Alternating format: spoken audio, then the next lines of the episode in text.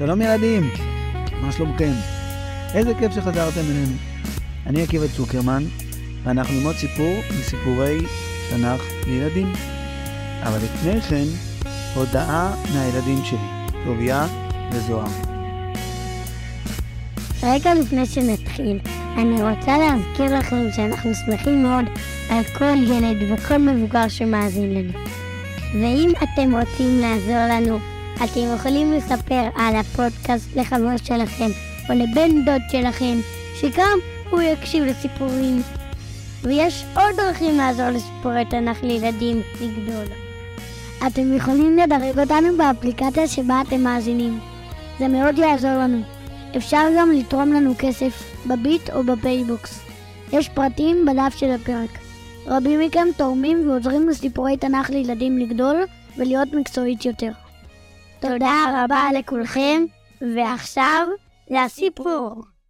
בפעם הקודמת, אתם בטח זוכרים, סיפרנו על חנוכת בית המקדש. סיפרנו איך ענן של עשן מילא את ההיכל. כולם יצאו ממנו, ומי שהיה בחוץ התרחק, וחצר בית המקדש הפכה לשקטה. ואז, לעיני כל ישראל, כל הקהל שהשתתף בחנוכת בית המקדש, שלמה נפל על ברכיו, הרים את ידיו אל השמיים, והתפעל לקדוש ברוך הוא. הוא התחנן לפניו וביקש ממנו שיהפוך את בית המקדש למקום שממנו יעלו כל תפילות ישראל, וכל תפילות אומות העולם, כל הגויים, דרך הבית הזה, דרך בית המקדש, למרום. הקדוש ברוך הוא ישמע את קולם, ויתפללו אליך דרך הבית הזה, ואתה תשמע השמיים מכון שבטיך. זאת הייתה תפילתו של שלמה. שלמה דיבר על כל מיני צרות שעלולות לקרות לאדם וכל מיני קשיים שמהם הוא התפעל לקדוש ברוך הוא, ובכולם הוא אמר לקדוש ברוך הוא, תשמע השמיים. שלמה גם ביקש מהקדוש ברוך הוא שאפילו אם עם ישראל יחטאו, והקדוש ברוך הוא יביא עליהם אויבים, והם יפסידו לאויבים שלהם, האויבים ייקחו אותם בשבי, יגרשו אותם מהארץ, יוציאו אותם לגלות. עדיין, ישראל יתפללו דרך בית המקדש, והקדוש ברוך הוא ישמע אותם, ויחזיר את עם ישראל הביתה לארץ ישראל. חנוכת בית המקדש השמחה והמפוארת נגמרה אחרי שבעה ימים של חגיגה ועוד שבעה ימים של חג הסוכות, וביום השמיני שלמה שלח את העם איש לביתו, כולם חזרו לבתיהם. שלמה חזר גם הוא לארמון שלו, לבית שלו, חזר לפרויקט של בניית הארמון, למשפטים שהגיעו אליו, להתייעצויות. לילה אחד, שלמה נכנס למיטה, שם את הראש, היה קצת במחשבות, נרדם, ואז פתאום באמצע השינה הוא הרגיש מין פחד כזה. הוא התחיל לנשום מהר, הדופק שלו גם היה מהיר. הוא זז קצת במיטה, ואז הוא פתאום ממש התחיל לרעוד. פתאום הוא גם שומע קול. שלמה נזכר שזה מה שהוא מרגיש תמיד כאשר הקדוש ברוך הוא מתגלה אליו, וזה תמיד קורה כשהוא ישן. אז שלמה מתוך הרעד והדופק והפחד וה... התרכז, התאמץ והקשיב לקול שקורא לו. וזה מה שהוא שמע. זה מה שאמר לו הקדוש ברוך הוא. שלמה, שמעתי את התפילה שלך. אני אשמע לתפילות של עם ישראל, ואני אשמע לתפילות של הגויים שהתפללו אליי דרך בית המקדש. אבל יש משהו אחד שאני לא אוכל לקבל. אני רוצה להזכיר לך דבר חשוב מאוד. הכל תלוי בברית. הכל תלוי בשמירת המצוות. אם אתה, שלמה מלך ישראל, תשמור את הברית, הברית של התורה והמצוות, ויחד איתך עם ישראל ישמרו את הברית של התורה והמצוות. ואחריך הבן שלך והבנים שימשיכו אותו, המלכים של עם ישראל לדורותיו, ימשיכו לשמור את הברית של התורה והמצוות, עם ישראל ימשיך לחיות בארץ ישראל בשלום ובברכה. הבנים שלך ימשיכו למלוך על עם ישראל. בית המקדש ימשיך להיות מקום שדרכו עולות התפילות של עם ישראל. אבל אם לא תשמור את הברית, אם ישראל לא ישמרו את הברית, אם מלכי ישראל שירשו אותך, שיבואו אחריך, לא ישמרו את הברית, הברית, אתה יודע מה זה הברית? הברית של המצוות, של לימוד התורה, של הקשר עם הקדוש ברוך הוא, עם קדושה. אם הם לא ישמרו את הברית, בית המקדש לא ימשיך לעמוד. בית המקדש יכול להיחרב. והכרתי את ישראל מעל פני האדמה שנתתי להם, ואת הבית הזה אשלח מעל פניי. והשם ממשיך להגיד לשלמה, בחלום הזה, תוך כדי שהוא רועד כולו, אתה בטח לא מאמין, אבל זה לא רק אתה. אם בית המקדש ייחרב, אנשים שיעברו בירושלים ליד המקום ויראו פתאום את המקום הזה חרב, יהיו בהלם. לא יאמינו. איך זה יכול להיות? זה? בית המקדש? הם לא יאמינו שזה יכול לקרות, שבית המקדש יכול להיחרב. אבל אני אומר לך, שלמה, וכדאי שתפנים את זה, הוא יכול להיחרב. זה תלוי בך. זה תלוי בעם ישראל. זה תלוי בפניך. אם תשמרו את הברית, אם ימשיכו לשמור את הברית. החלום נגמר, הנבואה הסתיימה. שלמה שכב במיטה, מזיע ורועד כולו. תדעו לכם, ילדים, נבואה זה לא דבר פשוט. זאת חוויה קשה. ולא רק שזאת חוויה קשה, שלמה גם שמע עכשיו דברים לא פשוטים. וחשב לעצמו, אני חייב להתאמץ לקיים את המצוות, אני חייב להתאמץ כדי שעם ישראל יקיימו את המצוות. זאת אחריות שלי, אני המלך שלהם. ככה אני אשמור על הממלכה שלי. ככה אני אשמור על עם ישראל ועל בית המקדש. שלמה, בוודאי ש, שקיבל את מה שהקדוש ברוך הוא אמר לו. אבל אני חושב, אני לא יודע, לא דיברתי איתו מעולם. אני חושב ששלמה, איפשהו עמוק עמוק עמוק בפנים, לא האמין שזה יכול לקרות. הוא היה מלך מאוד חזק וחכם. עם ישראל הוא ממלכה עשירה וחזקה. הוא הצליח לבנות סוף סוף סוף בית להשם, את בית המקדש, וחנך אותו. איך זה יכול להיות שהשם יחריב את הבית שלו בעצמו? אבל כשחושבים את זה, שוכחים שזה לא הבית של השם. השם לא צריך בית, עם ישראל צריכים בית. וזו אחריות של עם ישראל שיהיה להשם בית בעולם.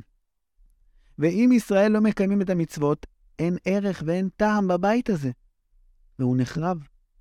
אנחנו, אני ואתם, כבר יודעים את זה. אנחנו יודעים שבית המקדש ששלמה בנה נחרב, אנחנו יודעים שגם בית המקדש השני נחרב. אבל שלמה לא ידע את זה. ועם ישראל, בתקופה של שלמה, לא ידע, לא האמין ולא חשב שבית המקדש יכול להיחרב. ואת זה הקדוש ברוך הוא ביקש ללמד את שלמה ודרכו את כל עם ישראל. אתם יודעים מה? אני פתאום חושב על זה, אולי יש עוד דרך שבה הקדוש ברוך הוא רמז לשלמה ולבני ישראל בבית המקדש, שזה בית שיכול להיחרב? מה אתם אומרים? אני פתאום חושב על זה, רגע, רגע, רגע, רגע, רגע. אתם, אתם זוכרים את הבליטות האלה בפרוכת שסיפרנו עליהן? אתם בטח זוכרים. נו, תיזכרו רגע. אתם זוכרים על האיש ששאל את הכהן שלידו, שמשך לו בכותונת, ושאל אותו, תגיד לי, מה זה הבליטות האלה? אז הכהן אמר לו, אני לא יודע, יש לי חבר שנשא את, uh, את הארון לקודש הקודשים, אני אשאל אותו. אז הכהן, שהשתתף בנסיעת הארון מעיר דוד לבית המקדש, אמר, לא יודע, ככה אמרו לי, להשאיר את המוטות, לא לפרק אותם, לא שכחנו, אמרו לנו. ונזכרנו גם שכאשר הקדוש ברוך הוא ציווה את בני ישראל לבנות את המשכן ואת כליו בספר שמות, הוא ציווה אותם מצווה. בטבעות הארון יהיו עבדים, לא יסורו ממנו. צריך להשאיר תמיד את המקלות, את המוטות שאיתם סוחבים את הארון, צריך להשאיר אותם תמיד בתוך הטבעות. ושאלנו, מה, למה זה, זה נורא מוזר? סוף סוף הארון הגיע לבית הקבוע שלו, לבית המקדש. למה משאירים את המוטות האלה שעוד בולטים החוצה? מה, בשביל מה? זה, זה לא נראה טוב, זה, זה מעצבן. בית המקדש כולו מזהב, ועצים, ואבנים טובות, וקישוטים, ונחושת, ונוצץ, ובנו יפה, ופתאום שתי המוטות האלה, למה? דרך, בולטים כזה, דרך הפרוכת למה? זה נכון, בית המקדש הוא באמת מקום קבוע. אבל, אתם זוכרים מה אמר הקדוש ברוך הוא לשלמה בחלום? האם בית המקדש הוא מקום קבוע לנצח? לא, לא, לא, לא, לא. הוא זמני גם. והזמניות של בית המקדש תלויה בעם ישראל. אם ישמרו את בריתי, ואם לא, את הבית הזה אשלח מעל פניי. הקדוש ברוך הוא אמר להם, אני אחריב את בית המקדש. המוטות הבולטים האלה שכולם רואים אותם וזה מפריע להם בעיניים, אולי, חשבתי על זה, אולי, תגידו מה אתם אומרים. אולי מזכירים כל הזמן לבני ישראל שאפשר להוציא את הארון החוצה. יש לו מוטות, הוא כל הזמן מוכן לצאת לדרך. ואתם יודעים מה? יואו, איזה קטע. אני פתאום חושב על זה שאולי יש עוד כלים בבית המקדש שרומזים על הדבר הזה. אתם זוכרים את המכונות של הכיורים? הכיורים, נו, אלה המיכלי מים האלה שיש להם ברז בתחתית שלהם, שהכוהנים מקדשים ידיים ורגליים, נוטלים ידיים ורגליים לפני שהם מתחילים לעבוד בבית המקדש. נו, מ... האלה מנחושת שחירם עשה, שעומדים בחצר של בית המקדש לקראת הכניסה לעבודה. לא, לא זוכרים? נו. אז הכיורים, אתם, אתם זוכרים את זה? אז הכיורים הם בעצם על כאן, שזה הבסיס שלהם, אבל זה כאן משוכלל, שקראו לו, שלמה קרא לה כאן מכונה, מכונות, כי היו להם אופנים, גלגלים, שאפשר לקחת אותם ממקום למקום. אפשר להסיע אותם. הם גם עזרו לכוהנים, אבל נראה לי שהם גם רמזו והזכירו לכל מי שהיה בבית המקדש, הכל פה על גלגלים, הכל פה יכול לזוז, לנסוע. הבית הזה יכול, יכול להיחרב. אתם יודעים, היה נביא אחד, אולי יום אחד נספר עליו, היה נביא אחד שקראו לו יחזקאל. יחזקאל היה בבבל, הוא לא היה בארץ ישראל. והוא ראה את המרכבה של הקדוש ברוך הוא, שכולה אש, עם אופנים מאש, עם כל מיני חיות מאש. הוא ראה אותה עוזבת את בית המקדש ביציאה לגלות. והחיות שהיו על המרכבה, שיחזקאל ראה עוזבת את בית המקדש, זה בדיוק, לא סיפרנו על זה כל כך, לא נכנסנו עד כדי כך לפרטים, אבל זה בדיוק החיות ששלמה קישט בהם את המכונות עם האופנים, שבעצם, בעצם אולי, מה אתם אומרים? סק... נראה לי שגם המוטות הבולטים וגם האופנים של המכונות בעצם רומזים שהמקדש הזה הוא אמנם בית קבוע, אבל הם מזכירים לנו כל הזמן, לא לנו כמובן, למי שהסתובב בבית המקדש, שהכל פה יכול ללכת, זה לא קבוע. אם ישראל לא ישמרו את בריתי, את הבית הזה אשלח מעל פניי, אני יכול להחריב אותו, אומר הקדוש ברוך הוא לשלמה ולבני ישראל.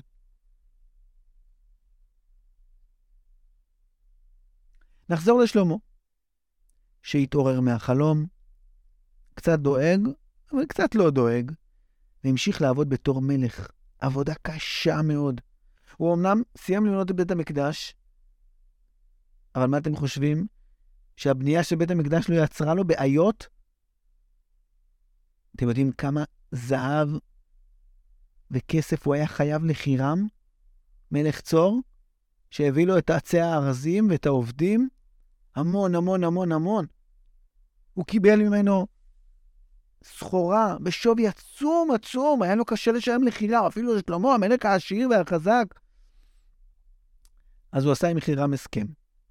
הוא אמר, תשמע, חירם, שלח לו איגרת שהיה כתוב בה, יש לי 20 ערים בגליל. אתם יודעים איפה זה הגליל? הגליל זה בחלק הצפוני של ארץ ישראל, שהולך ומתקרב לצור, ללבנון. יש לי 20 ערים בגליל, אמר שלמה לחירם, שהם יהפכו להיות תחת, לא לגמרי, אבל תחת חסותך, לא לגמרי. אתם יודעים במה שלמה הציע לחירם שהערים האלה יהיו שייכות לו? במקום לשלם את המיסים מהתבואה שהם מגדלים, במקום לשלם את זה לי, לשלמה, הם ישלמו את זה לך, לחירם, למלכות צור. ככה שלמה התמודד עם החוב שהיה לו בגלל בניין בית המקדש. וחירם, האמת, היה מבסוט. אבל אז הוא יצא לסיור, וראה את השדות, וראה את החקלאות ואת התבואה ואת העסקים של הערים האלה, אז הוא הבין ששלמה קצת לא נתן לו משהו ששווה הכי הרבה, קצת עבד עליו. נתן לו ממקומות שמגדלים דברים די מעפנים. התבואה שלהם הייתה לא משהו, והמיסים שלהם היו לא משהו. אז חירם קרא להם ארץ כבול. אתם יודעים מה זה כבול? סגור. זה כמו איזה בית כלא שחירם היה כלוא בו, הוא היה צריך להסתפק בתשלום הזה. אז נכון, הסיפור הזה, הטאקל שהיה לשלמה עם חירם, מלך צור היה לא כל כך נעים, ותדעו לכם שזה תמיד קורה, שבונים דברים כל כך ענקיים, ומתעסקים עם המון המון המון המון המון המון כסף, ועבדים, וחומרים, ותוכניות, תמיד יש בעיות, ועיכובים ועניינים. אני בטוח שגם היו לשלמה עוד כל מיני קשיים, שאני לא מספר לכם עליהם, בגלל שהם לא כתובים בתנ"ך. הסיפור הזה עם חירם והערים וארץ כבול כתוב בתנ"ך. ועל חלק מהבעיות אנחנו גם נספר בהמשך. אבל בינתיים, שלמה המשיך להתפתח ולגדול, והוא המשיך גם את הקשרים שלו עם חירם, למרות הטאקל הזה שהיה. שלמה הגיע למקום שהיה מאוד חשוב לכל המלכים בארץ ישראל ובאזור של ארץ ישראל. שלמה הצליח להגיע לשם. אתם יודעים מה זה המקום הזה? תנסו לחשוב על מקום שמאוד מאוד חשוב, נותן הרבה כוח כלכלי וביטחוני. טוב, אתם לא מומחים לביטחון ולכלכלה ולמדיניות, אבל אני אגיד לכם, יש מקום כזה רחוק מעיר המלוכה של שלמה, נחשב רחוק מאוד מכל מקומות היישוב בארץ ישראל, אבל הוא מאוד מאוד חשוב. היום מאוד אוהבים לטייל שם. אבל זה גם יש שם נמל מאוד חשוב. לא, לא, לא, לא נמל בים התיכון. איזה עוד ים יש לארץ ישראל שיש בו נמל מסחרי מאוד מאוד חשוב? נו? ים סוף רמז? נכון, אילת. שלמה הצליח להגיע לים סוף ושלח משם אוניות לאפריקה.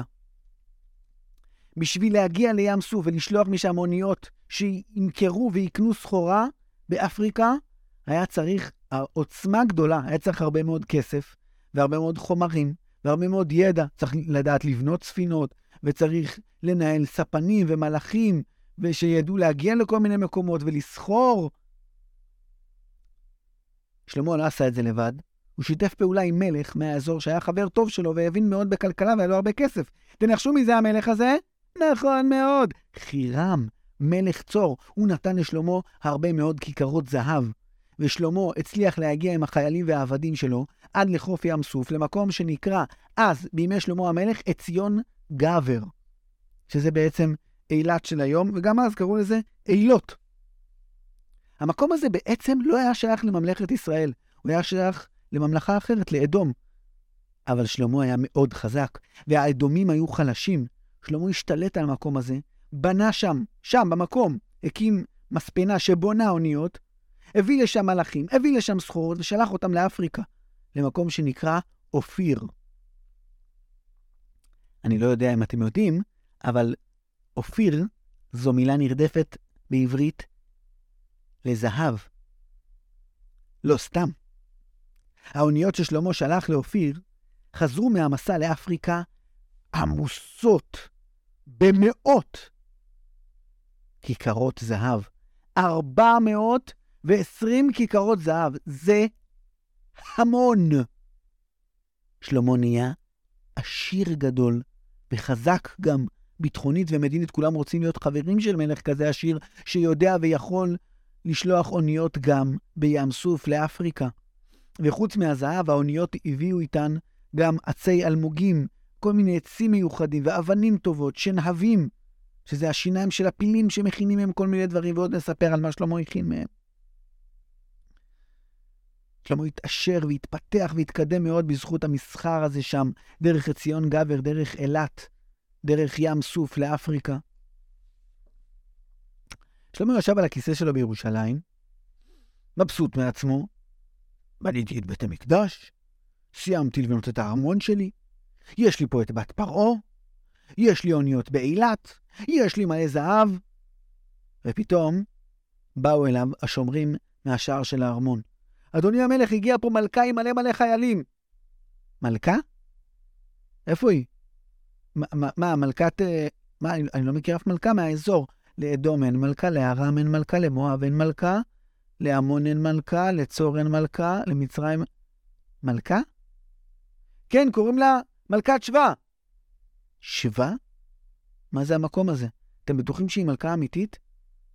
אדוני המלך, אני לא יודע אם היא אמיתית. ככה אמר השומר של שלמה. אני גם לא מכיר את המקום הזה ולא מכיר אותה, אבל היא הגיעה עם שיירה ארוכה מאוד של גמלים, מלאים בסחורות וחיילים. בטוח שיש לה כוח מאחוריה, היא לא סתם. נראה לי שכדאי להכניס אותה. שלמה ביקש מכל השומרים שלו להחזיק את החרבות בכוננות, ונתן רשות להכניס את מלכת שבא.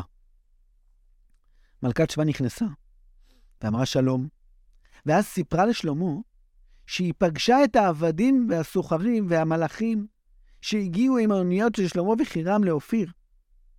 היא דיברה איתם, ואז שמעה פתאום על שלמה המלך שהיא לא ידעה עליו עד אז.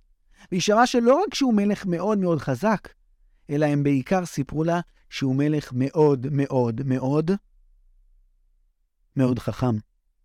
אדוני המלך, תוכל אולי לשתף אותי בחוכמתך? אני רוצה לחוד לך חידות, בוא נראה אם אתה תדע לענות עליהן. והאמת היא שבספר מלכים, שממנו אנחנו מספרים את הסיפורים האלה, לא כתוב שום דבר על החידות עצמן, רק כתוב שהיא שאלה אותו חידות והוא ידע את הכל. אבל יש כל מיני סיפורים יפים ואגדות מעניינות על החידות של מלכת שבא, ואני רוצה לספר סיפור אחד שמספר את האגדה. המלכה עשתה סימן, מלכת שבא כמובן, והמשרת שלה פתח את הדלת, ולאולם המלוכה נכנסה קבוצה של נערים לבושים שמלות ארוכות. הרואה אתה את הנערים האלה? שאלה מלכת שבא. רואה גם רואה, אמר שלמה. ובכן, חייך, לא תמיד כדאי להאמין למה שרואים? מחצית הנערים שלפניך אינן אלא נערות. מה את אומרת? השתאה שלמה. את שאוזניך שומעות, אמרה מלכת שבא, וכעת עליך להפריד נערים מנערות. זה בלתי אפשרי. חשב שלמה, איך אבחין ביניהם? כולם דומים אלה לאלה כמו גרעיני חיטה. אה, גרעיני חיטה. שלמה מיד פנה לעבדיו וביקש, מהרו, הביאו גרעינים ואגוזים וחטיפים ופזרו אותם על הרצפה. העבדים מיהרו לעשות כן, אך בטרם הספיקו לפזר את כל התקרובת, פרצה מהומה גדולה. כעת הבינה המלכה את הרעיון המבריק שהגה שלמה. הנערים מיד התנפלו על השפע, הרימו את השמלות שלהם, את השוליים, ושם הם שמרו את כל הגרעינים והחטיפים והאגוזים. אבל הנערות הביישניות, לא היה להם נעים להרים את השמלה, והם הסתפקו במה שהם הצליחו בעדינות לצרור בידיהן. כך הבדיל שלמה המלך בין הנערים לנערות. המלך שלמה ומלכת שבא שוחחו זמן רב. המלך הראה למלכה את הארמון שלו, ואת העיר ירושלים, ואת העלייה לבית המקדש, ואת הכלים היפים שהוא בנה בבית המקדש. הוא הפגיש את מלכת שבא עם כל הניצבים והפקידים שלו, עם מפקד הצבא, עם מפקד המודיעין. הוא הראה לה את כלי הנשק ואת אמצעי הלחימה ותוכניות הקרב. הוא הראה לה איך הוא אוסף מיסים. הוא הסביר לה על האוצר שלו ועל הקשר שלו עם חירם מלך צור ועם מדינות אחרות. ועם פרעה מלך מצרים, הוא סיפר לה גם על החתונה שלו עם בת פרעה. ודיבר איתה על האזור ועל מדיניות ועל מיסים ועל כלכלה ועל דברים חשובים שמלכים ומבוגרים אוהבים לדבר עליהם. ואחרי שעות ארוכות מאוד של פגישה מרתקת בין שני המלכים, בין שלמה המלך למלכת שבא, מלכת שבא ביקשה להודות לשלמה על קבלת הפנים. היא סימנה לעבדים שלה והם נכנסו והביאו משיירת הגמלים שחנתה בחוץ כיכר זהב. ואז נכנס עוד עבד עם עוד כיכר זהב, ועוד אחד, שיירה ארוכה של עבדים שנכנסו אחד אחרי השני עם כיכרות זהב, והביאו אותם לשלמה. 120 כיכרות זהב, ואחריהם עבדים שהביאו אבנים טובות, שהיו בארץ של מלכת שבא, נדירות מאוד בארץ ישראל, יקרות, שוות המון המון כסף. מלכת שבא הכניסה את היד לכיס של המעיל שלה, והוציאה צנצנת קטנה. היא ביקשה, סימנה לשלמה עם היד להתקרב, פתחה את הצנצנת הקטנטנה בזהירות, הריחה, ובלי מילים, הציעה לשלמה להריח. שלמה פשוט תפס את הראש שלו, וואו! לא בא כבושם הזה עוד! מה זה הריח הזה? מלכת שבא סגרה את הצנצנת, בבקשה, מתנה ממני. היא סימנה לעבדים שלה, ואז הם הביאו עוד חבילה גדולה של צנצנות בושם. אחרי טקס המתנות, לקראת הפרידה, כשמלכת שבא כבר נעמדה ופנתה ללכת, היא אמרה לשלמה, פגשתי את העבדים שלך אוספים זהב באופיר. שמעתי כבר אז כמה אתה חכם וכמה אתה עשיר. כל מה ששמעתי הוא אפילו לא חצי ממה שאתה באמת. אתה באמת מלך אדיר. אתה באמת חכם מאוד מאוד. אשרי אנשיך שזוכים לעבוד איתך ולשמוע את דברי החוכמה שלך יום-יום. יהי השם אלוקיך ברוך. איזה קידוש השם. שלמה ביקש מעבדיו, והם הביאו למלכת שבא כל מיני דברים מיוחדים שהיו לשלמה ולא היו למלכת שבא. שלמה לימד אותה הרבה מאוד דברים חשובים, הביא לה תוכניות של בנייה ושל כלים מתקדמים שהיו לו. מלכת שבא, שלמה המלך, נפרדו לשלום.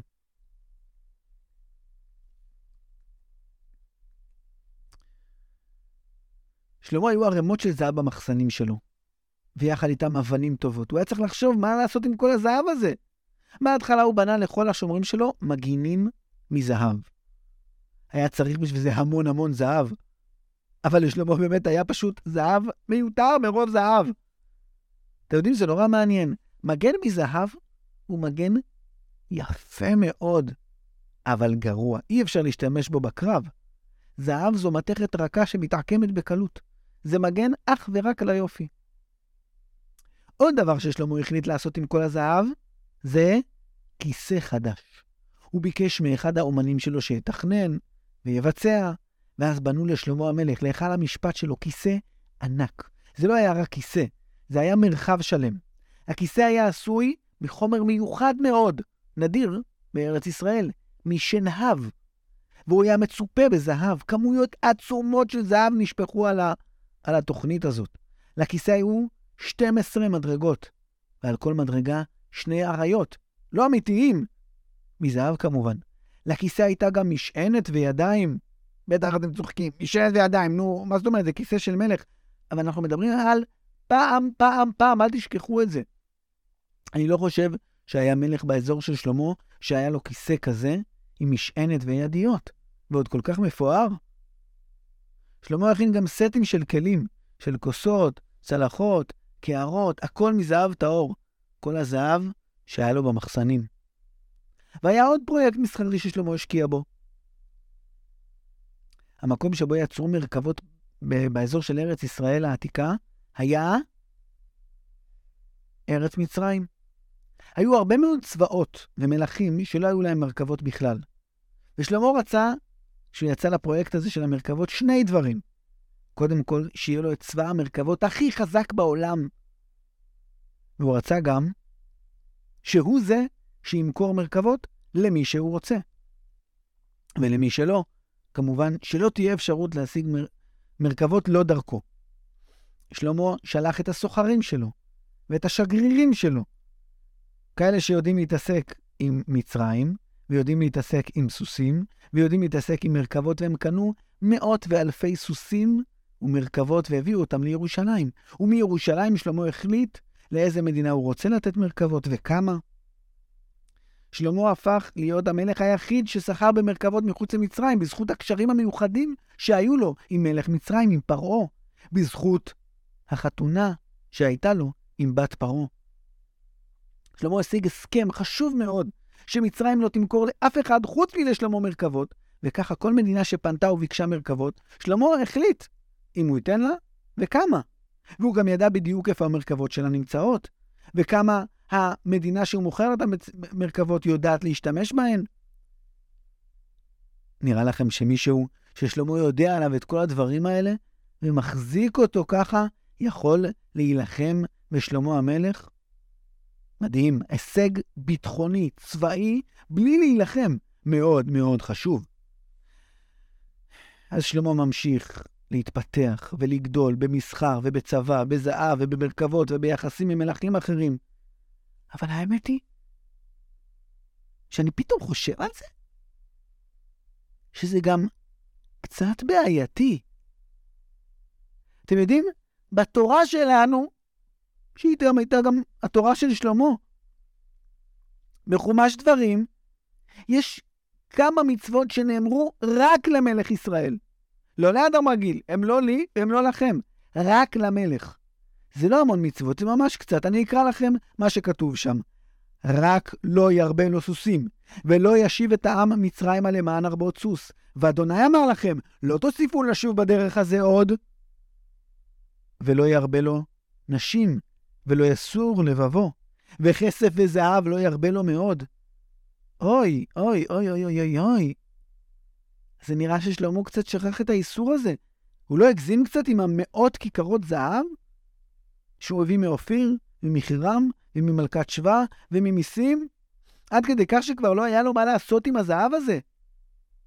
ו- וכתוב שם גם, לא ירבה לו סוסים. שלמה לא רק הרבה סוסים, הוא גם הרבה מרכבות והפך להיות סוחר המרכבות והסוסים הראשי והבלעדי. אוי אוי אוי אוי אוי. והיה עוד חטא אחד ששלמה עשה, עוד עבירה של משהו שהקדוש ברוך הוא ציווה רק את המלך, ושלמה גם עליו הוא עבר. וכל הסיפור הזה התחיל את הצרות בממלכה של שלמה. אתם יודעים מה הייתה העבירה הנוספת ששלמה עבר עליה?